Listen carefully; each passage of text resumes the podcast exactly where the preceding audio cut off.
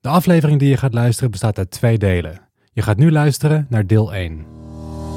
Dit is Leaders in Life Sciences, een podcast waarin we op zoek gaan naar het verhaal achter de mens.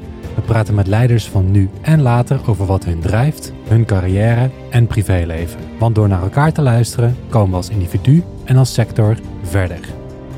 We willen onze partners hartelijk bedanken voor hun steun. Dat zijn Pivot Park, Axon Lawyers, Jansen, Patterson Partners Executive Search en Scribes Fiscalisten. De gast in deze aflevering virologe en hoofd van de Viroscience afdeling van het Erasmus MC, Marion Koopmans. Uw host is André van de Sande. Welkom bij een nieuwe aflevering van de Leaders in Life Sciences podcast vanuit Pivot Park in Os. Mijn gasten van vandaag is geboren op 21 september 1956 in het Limburgse Tegelen. Ze heeft haar master in diergeneeskunde in 1983 behaald aan de Universiteit van Utrecht en ze promoveerde daar in 1990 op Diagnosis and Epidemiology of Torovirus Infections in Cattle. Na haar PhD vertrok ze naar de VS voor een functie als Research Fellow bij het Center for Disease Control and Prevention in Atlanta en werkte daarna als Visiting Scientist bij hetzelfde instituut. Vervolgens is ze 20 jaar lang tot 2013 hoofd virologie van het RIVM geweest. En de laatste 10 jaar is ze hoofd van de Viroscience afdeling van het Erasmus MC in Rotterdam. Ze heeft meer dan 900 publicaties op haar naam staan, die ruim 77.000 keer werden geciteerd. Als hoogleraar virologie, adviseur van de Europese Commissie, lid van het OMT en van het onderzoeksteam van de WHO, wordt ze tijdens corona via de media in één klap bekend bij het grote publiek, met soms nare consequenties. Wat dat grote publiek echter waarschijnlijk niet weet, is dat ze vanaf haar zesde een dierenziekenhuis had. Welke rol de tv-serie Dactari heeft gespeeld in haar leven en dat ze eigenlijk een partynerd is. Recentelijk bracht ze samen met haar zoon Misha een boek uit onder de titel Viroloog in een veranderende wereld. Mijn gasten van vandaag is professor Dr. Marion Koopmans. Welkom Marion. Goedemorgen. Goedemorgen, welkom en leuk dat je mee wilt werken aan, uh, aan onze podcast. Ja, om dan maar meteen met uh, de actualiteit uh, in huis te vallen. Gisteravond uh, kwam via het nieuws naar buiten dat het OMT heeft aangegeven dat het niet langer nodig is om te testen en in isolatie te gaan. de slingers kunnen uit, de epidemie is voorbij? Nou, het is echt wel de aankondiging van laten we corona gaan zien als onderdeel van de reguliere infecties die we zoal hebben. Uh, en niet meer die uitzonderingspositie uh, uh, te geven die het tot nu toe noodzakelijkerwijs heeft gehad. Dus ja, in die zin kunnen de slingers uit. het is wel bijzonder wat dan in, inderdaad in de media eruit gepikt wordt. We hoeven niet meer te testen. Ja. het hele advies ging eigenlijk over de volgende stap. Het, is, het virus is here to stay. en wat betekent dat nou voor je omgang uh, met bijvoorbeeld kwetsbaren als je een infectie hebt. Dat, ja. Wat we nu deden is testen en dan zag je toch dat mensen verkouden of zelfs grieperig, test negatief, wel naar hun uh, oudere uh, mede, ouders bijvoorbeeld ja, toe gingen. Ja. ja. dat is natuurlijk niet meer helemaal logisch. En dat is eigenlijk het, het advies. pak dit nou algemene zin op van hoe ga je nou om met luchtweginfecties? Uh, in een diverse samenleving. Ja, dus dat betekent nog steeds uh, hoesten, niezen in je elleboog, uh, afstand houden, ventileren, et cetera. En ook, en ook de discussie, wat willen we nou met kwetsbaren? Want dat is een van de onder, lastige onderdelen van dit hele, nou ja, die infectieziekte. dat wordt een steeds grotere groep. Ja, Hè? Onze zorg wordt beter, we worden allemaal ouder. Maar dat heeft natuurlijk ook consequenties in de zin dat de groep kwetsbaren groter wordt. Ja. En uh, moet dat gevolgen hebben voor hoe we daarmee omgaan? Dat is in feite meer een maatschappelijke discussie. En dat staat, als je goed leest, ook wel in dat advies. Maar dat is er nog niet uit. In de feestvreugde gaat dat een beetje voor, ja, heb ik precies. op dit moment. Uh, Oké, okay, goed. Uiteraard gaan we straks nog veel dieper in op, op COVID en, en alle ontwikkelingen daar, uh, daaromheen de afgelopen jaren. We gaan eerst even terug uh, naar het, naar het laten we zeggen, meer begin van je carrière. Na je PhD ging je werken voor het Center for Disease Control and Prevention in Atlanta. Wat, wat, trok je om, om naar Atlanta te gaan? Nou, dat was een uh, combi-besluit. Ik had uh, een aantal uh, keuzes. Ik had ook in Worcester, Ohio, een aanbod. prachtig lab. iemand echt gewoon met, met, een enorme track record in de virologie. Maar wel in de midden van maisvelden en, en dat soort dingen. En ik was toen al met mijn partner, muzikant. Ja ja, en uh, als je dan kunt kiezen, dan is Atlanta interessanter voor een muzikant dan Worcester, Ohio. Ja. Dus dat heeft echt meegespeeld. Uh, maar daarnaast ook de, uh, ja, hoe, hoe specialistisch is je keuze? In Ohio was dat ja, heel duidelijk, coronavirussen in runderen, daar ga je dan mee verder. Atlanta was ja, de hele wereld eigenlijk. Toch breder, hè? Ja, precies. En, en daarmee dus ook een, een nou ja, ik heb daar gewoon opgeslorpt waar je allemaal uh, van, van hoorde en, en uh, mee geconfronteerd werd. Dus dat was een, een hele andere omgeving en ook super inspirerend. Ja, ja je, had, je had het over man die, je man die meeging. Ik heb uit het boek begrepen dat hij niet meteen is meegegaan naar Atlanta. Hij schreef uh, heel mooi uh, over uh, 50 gulden per week besteden om een ruzie te maken aan de telefoon. Daar kun je beter mee stoppen. Dan kun je maar beter toch gewoon bij elkaar, naar elkaar toe gaan en daar gaan wonen. Nou ja, precies. Je hebt, kijk, we hadden een prima relatie, maar we leerden elkaar kennen toen ik al duidelijk van plan was om naar mijn PhD een tijd naar het buitenland te gaan. Dus dat heb ik ook meteen aangegeven. En uh, uh, ja, uh, ook met tijdsverschil. Als jij net zin hebt om even te bellen, ligt de ander in bed ja. en dat soort dingen. Dus dat was ingewikkeld. Dus hij, was, hij was er op een gegeven moment klaar mee. En toen heeft hij hier zijn baan opgezegd. En toen is hij naar Atlanta gekomen. Ja, voor hem ook een hele inspirerende omgeving natuurlijk. Zeker, ja. ja want hij, heeft, hij mocht niet werken, dat visumtechnisch. Ja. maar hij heeft allerlei vrijwilligerswerk gedaan, ook in de, in de uh, zwarte gemeenschap. Hij heeft muzieklessen gegeven, heeft atletiektrainingen gegeven, heeft uh, aan tentoonstellingen meegewerkt. Liep op een gegeven moment door Atlanta en dan was het uh, high art. en dan zei ik, wacht even, ik was hier eer. Dus het is, uh, nee, het is voor hem ook een hele uh, goede tijd geweest. Ja. Ja. Jullie zoon is daar geboren ook. Klopt. En dan loop je ook eigenlijk aan tegen een stukje typische Amerikaanse cultuur in de zin van litigation en liability en formulier ondertekenen als je je kind mee naar huis wil nemen. Hoe, hoe, hoe liep dat? Nou, bizar gewoon. De, de, nou, er was op zich wel een goede geboortezorg, in ieder geval vooraf, uh, waarin uh, nou ja, je kon aangeven van uh, wat, uh, wat zijn je wensen als, het, als je het voor het kiezen hebt. bijvoorbeeld wil je naar een bevallingscentrum. dus dat was allemaal wel geregeld, maar vervolgens loop je met weeën een ziekenhuis binnen en dan moet je tekenen van realiseer je dat als je natuurlijke bevalling wil, dat er dit en dit allemaal kan gebeuren en iedereen dood kan gaan.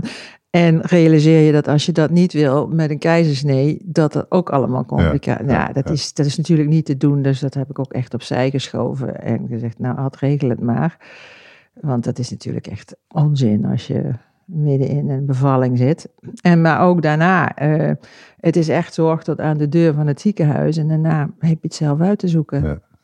Dus dat is ook. Uh, dat was uh, heel fascinerend om ook het verschil mee te maken. Ik heb natuurlijk ook één keer in Nederland gekregen. Ja, uh, ja dat is een wereld, wereld van, verschil. verschil. Ja, wereld van verschil. Uh, in je boek, we komen straks uiteraard nog wat uitgebreider terug op je boek, maar uh, in je boek beschrijf je deze periode als een zorgeloze tijd, zo heet het hoofdstuk geloof ik, ook waar, waar dit over gaat. Het was natuurlijk een mooie combinatie van, denk ik, aan de ene kant een heel vrij leven, aan de andere kant wetenschappelijk interessant en uitdagend. Zeker. Het was, uh, nou we hadden bijvoorbeeld de, de department meetings en daar werkten mensen vanuit van over de hele wereld uh, uh, aan onderwerpen die, ja, waar je de, die in de kranten las. Hè? Ja, dus het is, ja. dat is natuurlijk heel inspirerend. En om dan daar ook het onderzoek achter die problematiek te horen. Dus ik heb daar over monkeypox gehoord, over de grote hantavirusuitbraak in, in de Four Nations. Dat is een, een gebied waar veel ja originele uh, Amerikanen, wonen. Ja. Uh, dus dat soort, dat soort dingen, ja, dat is natuurlijk heel fascinerend om daar midden tussen te zitten. En elke week van mensen die vol op het front van de wetenschap zitten daarin, daarover te horen. Dus ja. dat was echt fantastisch. Ja, op, op enig moment werd je bijna wegbezuinigd, uh, begreep ik. de situatie wel vaker voorkomt als het budget niet goedgekeurd wordt door de Amerikaanse overheid. Dan, ja, dan is gewoon geen budget meer beschikbaar ook. dat heb je wel overleefd, maar uiteindelijk heb je toch besloten om terug te gaan naar Nederland. Ja, dat klopt. Um, dat, had, dat, dat laatste had wel te maken ook met ja, de geboorte van onze zoon en het zien ja, de, de VS, het was fantastisch, maar het is ook wel een harde maatschappij. Als je aan de goede kant zit, dan Ja. kan er veel. Maar als het even misgaat, dan is het ook echt gewoon goed fout. En ik weet nog, de eerste dag dat ik ging werken, eh, viel mij op dat op de deur van eh, het gebouw eh, dat ik binnenging, een, een, een aankondiging hing van help, ik heb dagen nodig, want ik ben zwanger en ik heb complicaties. Wie kan vrije dagen doneren? Ja. Dat soort zaken. Dat kunnen we ons niet voorstellen, Dat is echt onvoorstelbaar. Dus eh, ja, met dat, we hadden daar zoiets van, nou, om hier een kind echt in op te laten groe- groeien, dat was toch niet onze keuze. Oké, kan ik me voorstellen. Hoe heb je eh, professioneel het verschil ervaren tussen Nederland en de VS?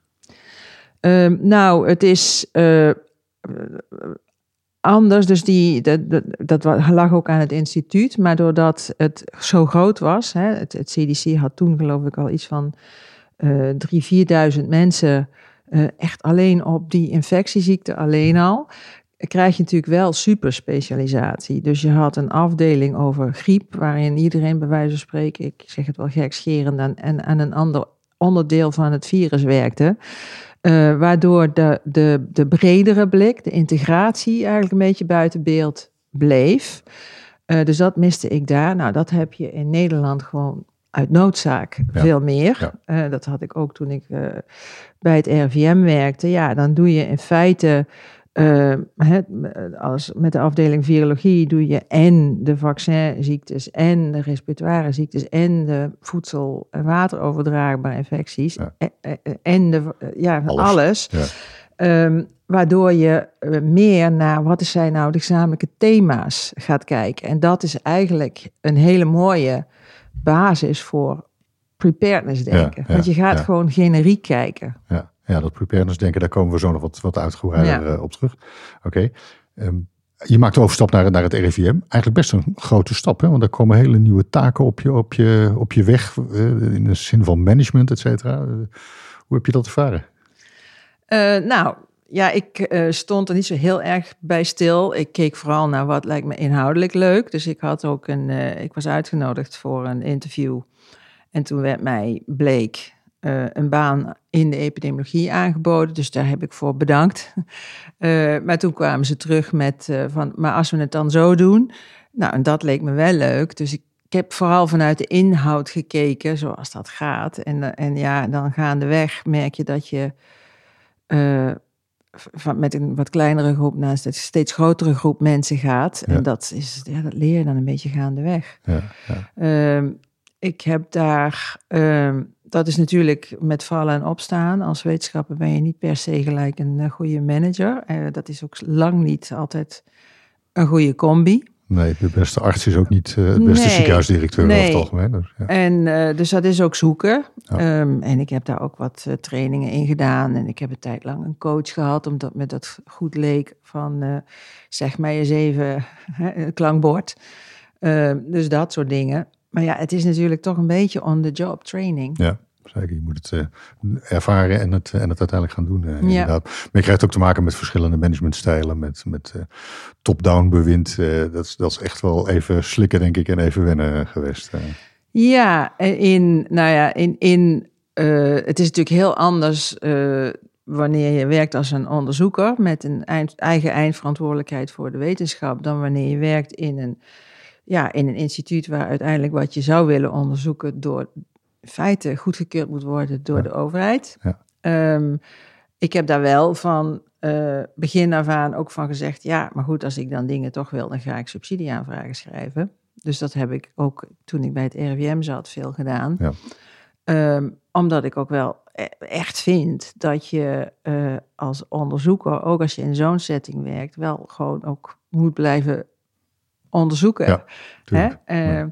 Dus dat, eh, maar natuurlijk is het wel een hele andere omgeving. Ja. Je hebt uiteindelijk de overstap gemaakt naar het eh, Erasmus MC. En eigenlijk heb je daar als zoals ik het althans uh, interpreteer, in een redelijke wetenschappelijke luw te kunnen opereren. Uh, je aardig op de, op de inhoud uh, kunnen storten. maar ja, dan verandert er opeens, staat de wereld op kop. Corona breekt uit, alles verandert. En ik zei het al in, in de introductie. maar door je rol in het OMT word je via de media in één klap natuurlijk een bekende Nederlander. Die wordt bekend bij het grote publiek. Had je dat aanzien komen? Wat, wat doet dat met je? Nee, niet op, op deze manier. Kijk, wij hebben uh, in het verleden ook wel uh, bijvoorbeeld uh, outbreak simulatie oefeningen gedaan. En ik heb meegewerkt aan de ontwikkelingen van de draaiboeken grieppandemie. En daar kwam ook wel langs dat er meer en meer publieke belangstelling komt als er echt een crisis is. Maar ja, dat was theorie. Hè? En wij hadden ook uh, de pokkendraaiboeken, daar zijn ook documentaires hè, of, of docudrama's van gemaakt waarin dat ook zit. Maar het is toch heel anders wanneer je dat dan zelf daadwerkelijk ziet gebeuren. Uh, dus dat, uh, de, de mate daarvan, impact daarvan, heb ik wel, denk ik, onderschat. Maar ik vond het er dus wel bij horen, inclusief dat je probeert uit te leggen wat, ja, wat je weet. Ja. Um, dus dat is ook waarom ik dat wel van begin af aan ook gedaan heb. Uh, dat is ook wel mij ingeprent door mijn uh, promotor, die daar echt heel uh, goed in was en dat ook echt bijna als hobby had. Um, dus ja, en als je daar dan eenmaal mee begint, dan wordt op een gegeven moment de vraag: stop je nou omdat het moeilijker wordt? -huh. Nou, daarvoor he, heb ik dan gekozen om dat niet te doen. Ja. Ja. Maar goed, je gaat daar naartoe, naar een uitzending of, of, of, of andere media. Uh, en en uh, je gaat er naartoe met de intentie om iets uit te leggen. Mm -hmm. En uh, het is niet alleen het uitleggen, maar de impact die dat vervolgens heeft, ja. heeft gehad, die was niet te voorzien, denk ik, haast. Nee, Um, en dat is dus ook iets waarvan, ja, dat is een van de dingen waar ik zelf over denk: van hoe zou dat, wat leer je daar nou van? Ja, hè? De, dat, uh, ik heb ook wel contact gehad met bijvoorbeeld, er was een filosoof die heeft me de oren gewassen. Mensen vanuit de communicatiehoek, van hoe zeg je dat nou? Nou, daar zijn, daar zijn we ook vanuit ons huidige centrum met uh, sociaal uh, wetenschappers mee bezig. Van hoe, hoe zou dat dan anders kunnen? Ja, en dan merk je ook wel als je echt in die discussie gaat dat, er, dat het helemaal niet zo eenvoudig is. Het is niet zomaar één goed antwoord. Dus dat is toch iets wat je met elkaar ook wel moet uitzoeken. Hoe doe je dat nou? En, en um, een van de dingen waarvan ik denk dat dat goed zou zijn, is om bijvoorbeeld eens gewoon een publiek uh, OMT na te spelen. Van hoe werkt dat? Wat gebeurt daar nou ja. eigenlijk? Dat werd natuurlijk toch een soort uh, ja, black box. En ze zitten het daar maar allemaal voor ons te beslissen, wat natuurlijk niet zo is. Nee. Maar uh, ik denk dat dat goed zou zijn en misschien ook gewoon wel leuk zou zijn als je dat eens naspeelt. Om meer inzicht te geven in dat proces. Uh, ja. Ja, ja. precies. Ja. ja, maar dat is inderdaad voor het grote publiek natuurlijk zeker een, een black box. Het is een black box. We doen het met studenten, doen we dat heel lang. He, dus dan doe je een simulatieoefening en dan zeg je: Jij bent het RIVM, jij bent de burgemeester, jij bent het ziekenhuis, jij bent het Europese CDC. En dan geef je, uh, nou ja, stukjes informatie en dan moeten ze met elkaar gaan uitvogelen wat ze daarmee doen. Uh, met de communicatielijnen erbij. Want nee, jij mag niet rechtstreeks met die praten, want dat is, dat daar kom je niet binnen. Uh, nou, dat is altijd heel erg leuk, want je ziet in no time precies hetzelfde gebeuren wat er in het echt gebeurt. Ja, ja. En er komt nog een stukje complexiteit bij, is dat je dan daar zit en namens het OMT spreekt. Hè? En ik kan me voorstellen dat je persoonlijke mening, of wat je zou willen zeggen, niet altijd 100% overeenkomt met de consensus vanuit een OMT. Nou, je, ik spreek niet namens een OMT, okay. maar dat, uh, ja, dat is natuurlijk moeilijk, want dat label dat hangt er al gauw aan. Dus uh, uh, nou ja, het klopt dat, je, dat ik ervoor kies om niet uh, uh, alles waar nou precies de scherpste van de discussie over gaat, om dat over het voetlicht te brengen. Omdat ik vind dat dat ook niet uh, toevoegt. Nee. wat ik wel belangrijk vind, is om die elementen van die afweging te benoemen. Van wat, wat zit er achter zo'n advies, welke aspecten zijn daarin meegewogen? En dan, dan doet het er niet toe wat ik er zelf persoonlijk van vind. Dat kan ik wel kwijt in een wetenschappelijke meeting, maar dat vind ik dan niet uh, aan mij, omdat uh, als ik gevraagd word vanwege een OMT-advies om dat eens uit te leggen, dan vind ik dat je dat niet, uh, ja, dan gaat het niet om jouw individuele mening. Nee, nee dat is duidelijk. Um, die bekendheid die brengt ook een negatieve kant met zich mee. Er zijn mensen die zich nou ja, uitermate agressief in jouw richting hebben geuit. Wat voor een impact heeft dat?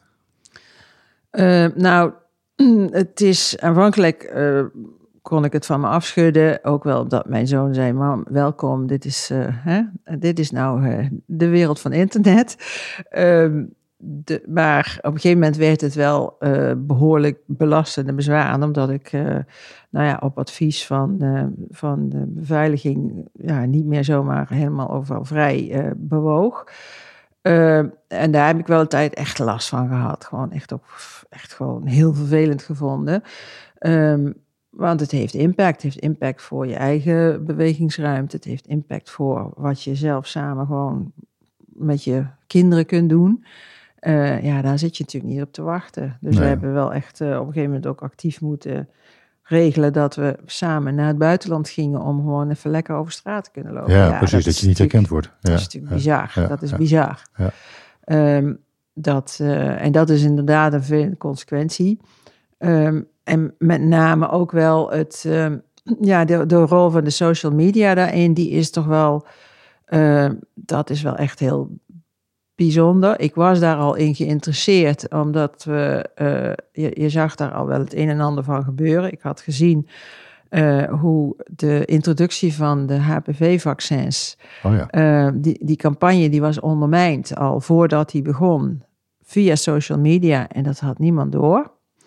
Uh, dus ik had wel gezien dat er uh, gewoon ja, wat er aan het ontstaan was. Ik had dat ook in een Europees consortium uh, waar we geld voor hadden aangevraagd. Daar zaten ook mensen in die dat zouden gaan onderzoeken. Zijn ook meteen gaan doen januari 2020.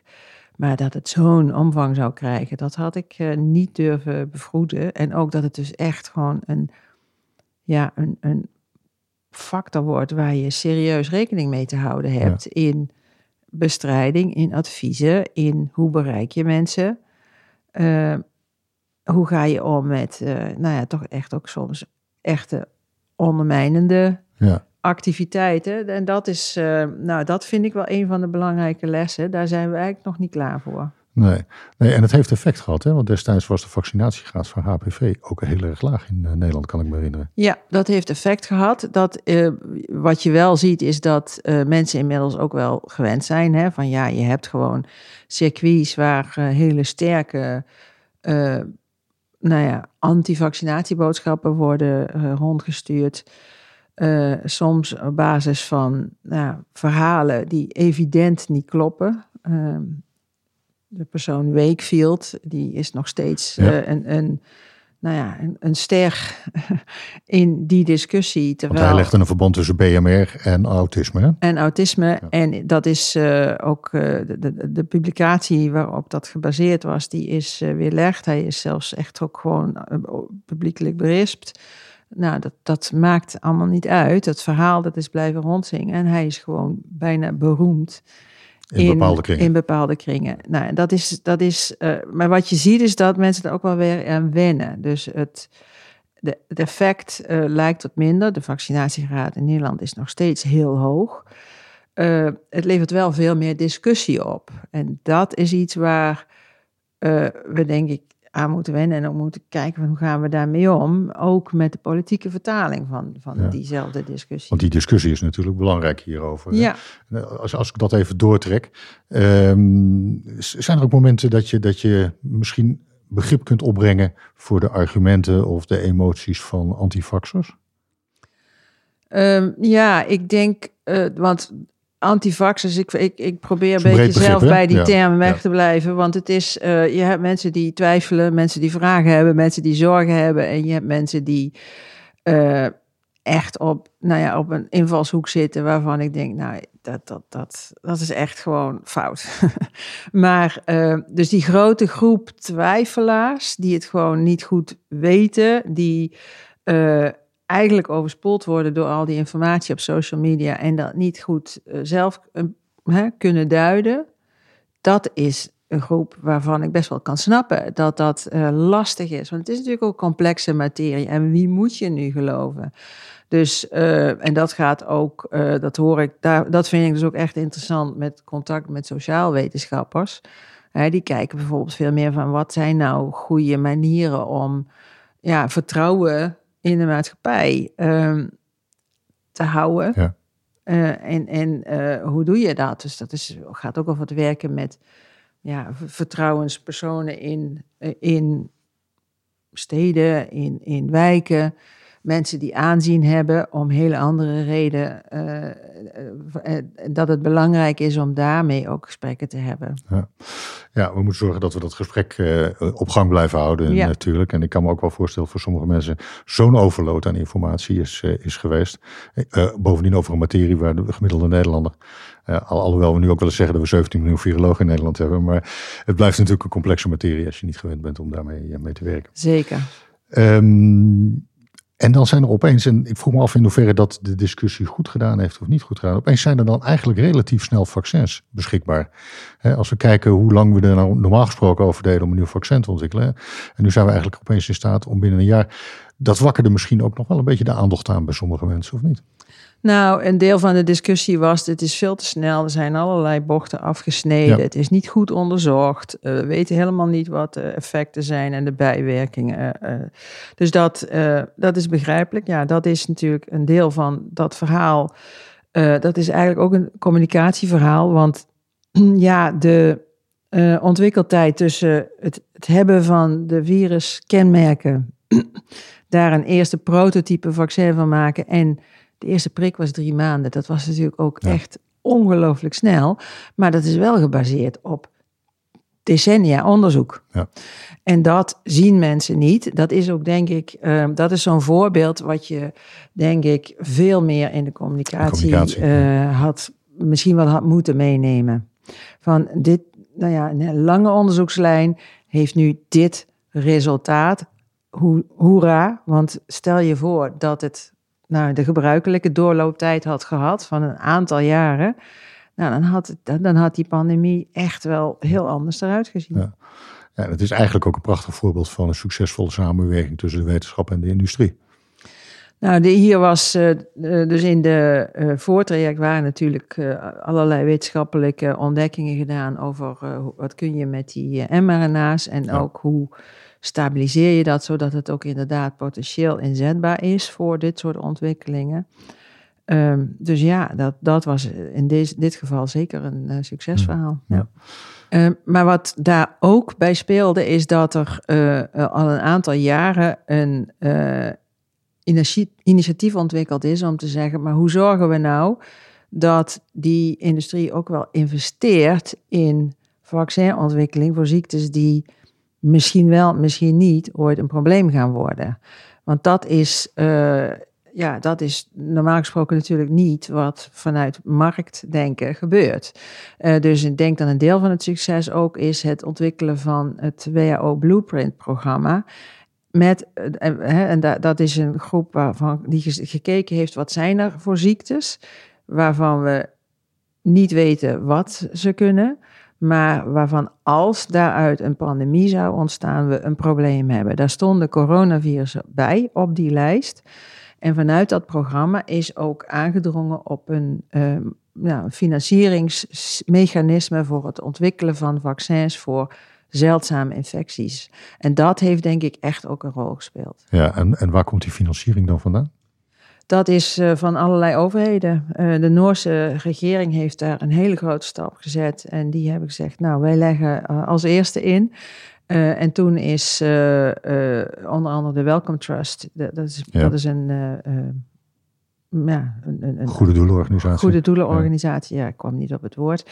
Uh, maar die hebben er heel veel ook bij gelegd. De Europese Commissie, de, de financieringsinstrument van de Europese Commissie is daarvoor toen uh, gebruikt. Die hebben aangevuld. En zo is dat een, een flinke pot met geld geworden. Um, uh, onder de naam CEPI. En daar vandaan zijn dus ja, samenwerkingen gefinancierd om mogelijke, mogelijke vaccinkandidaten zo ver te brengen dat ze heel snel inzetbaar zouden zijn. Ja. En speelt de industrie daar een actief genoeg rol in? Of? Nou ja, daar. Ehm, ik uh, ben zelf niet zo heel bekend met het bedrijfsleven, maar je ziet natuurlijk wel dat ja, er moet natuurlijk wel een um, ja, kostenbatenafweging gemaakt worden. Uh, dus in die CEPI-programma's, ja, daar daar wordt uh, publiek-private samenwerking gefinancierd, maar wel met een publieke monitoring. Ja. Uh, dus daar wordt echt wel vanuit uh, CEPI, de organisatie, gezegd wat er moet gebeuren. Ja. Dat is ook, ja, omdat ze, dus inclusief de besluitvorming over wat gaat wel en wat gaat niet door. En het, daarbij, wordt door, het wordt door de wetenschap gedreven, niet door de markt, zeg je eigenlijk? Door de wetenschap en door de uh, mogelijke toepassing. Dus er wordt ook gekeken naar, uh, er is een mechanisme dat heet Target Product Profiles. Van je kunt fantastische uh, vaccinopties hebben, maar als die niet breed opschaalbaar zijn, bijvoorbeeld snel op grote schaal geproduceerd kunnen worden, en ook zodanig zijn dat je ze niet over de hele wereld kunt gebruiken, dan krijgt dat bij CEPI minder prioriteit dan iets wat wel uh, geschikt is om wereldwijd in te zetten, bijvoorbeeld. Ja, Oké. Okay. Ehm, even overgaan naar, naar het bezoek van de, van de WHO-delegatie aan, aan China. Uh, eigenlijk als, als een, een, weer een voorbeeld bijna zou ik willen zeggen van hoe eh, de situatie op, op scherp stond. Hè? Want jullie gingen met een onderzoeksdelegatie naartoe. Uh, Oké, om te beginnen word je 14 dagen opgesloten in een hotelkamer vanwege de quarantainemaatregelen. Dat gaat ook wat verder dan we in Nederland uh, geweest zijn. maar je loopt ook aan tegen cultuurverschillen in onderzoek en nou ja, de maatregelen die daar getroffen zijn. Hoe is dat allemaal op jou overgekomen destijds? Nou ja, ik vond het heel erg boeiend, dat zal ik eerlijk zeggen. Um, want ja, het is natuurlijk toch een beetje ground zero onderzoek. De cultuur van onderzoek in China, daar was ik al wel een beetje mee bekend, omdat ik ook uh, een aantal jaren als uh, wetenschappelijk adviseur van het uh, eh, CDC in Guangdong heb gewerkt. Um, en daarvan wist ik wel dat je, je, komt niet binnen, je gaat zitten en je zegt zo, nu gaan we eens even over de wetenschap hebben. Dat heeft een aanlooptijd. Dat is ook in veel culturen trouwens. Dus je moet echt eerst zorgen dat je het vertrouwen hebt om tot dat gesprek te komen. Nou, dat is nadrukkelijk lastiger in die situatie waar we in zaten. Want um, uh, een van de dingen die altijd helpen is als je s'avonds met elkaar eens even ergens gaat eten of uh, dat soort dingen. Nou, dat hadden we natuurlijk niet. Die optie was er niet vanwege alle restricties. Uh, dus dat gaat stroever. Dat is, uh, maar, maar dat stroeven, ja, dat is vanuit de buitenwereld meteen gelabeld als ze willen niet. Um, ik weet dat niet. Dat, er is het, ik ga niet zeggen dat er een volledige openheid was in alle discussies.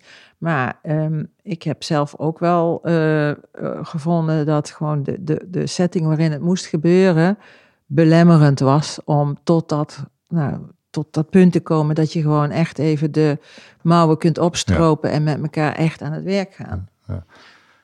Gaandeweg dat bezoek wordt, wordt eigenlijk de politieke lading steeds groter. Uh, Trump heeft het inmiddels gekarakteriseerd als het uh, China-virus. Uh, het, het, dreigt ook een beetje een politiek steekspel te worden. voor dit weet zit je, ben je onderdeel van zo'n politiek steekspel. Hoe, hoe blijf je daar buiten? Ja, dat is uh, inderdaad lastig. Um, dat speelde dus aan de ene kant van, vanuit China was er de beschuldiging van uh, jullie hebben het gemaakt zelfs, uh, het virus. nou, dat ging heen en weer tussen de overheden. China begon op een gegeven moment heel hard te pluggen van dit virus is via de voedselketen China binnengebracht. Ook dat werd dan zo'n politiek ja, steekspel.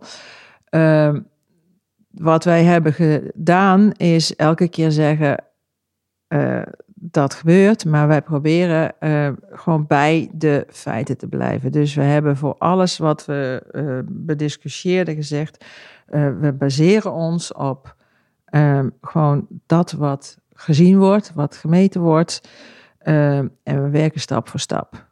want de, de, we werden ook bestookt met uh, informatie over heb je dit gehoord, heb je dit gezien.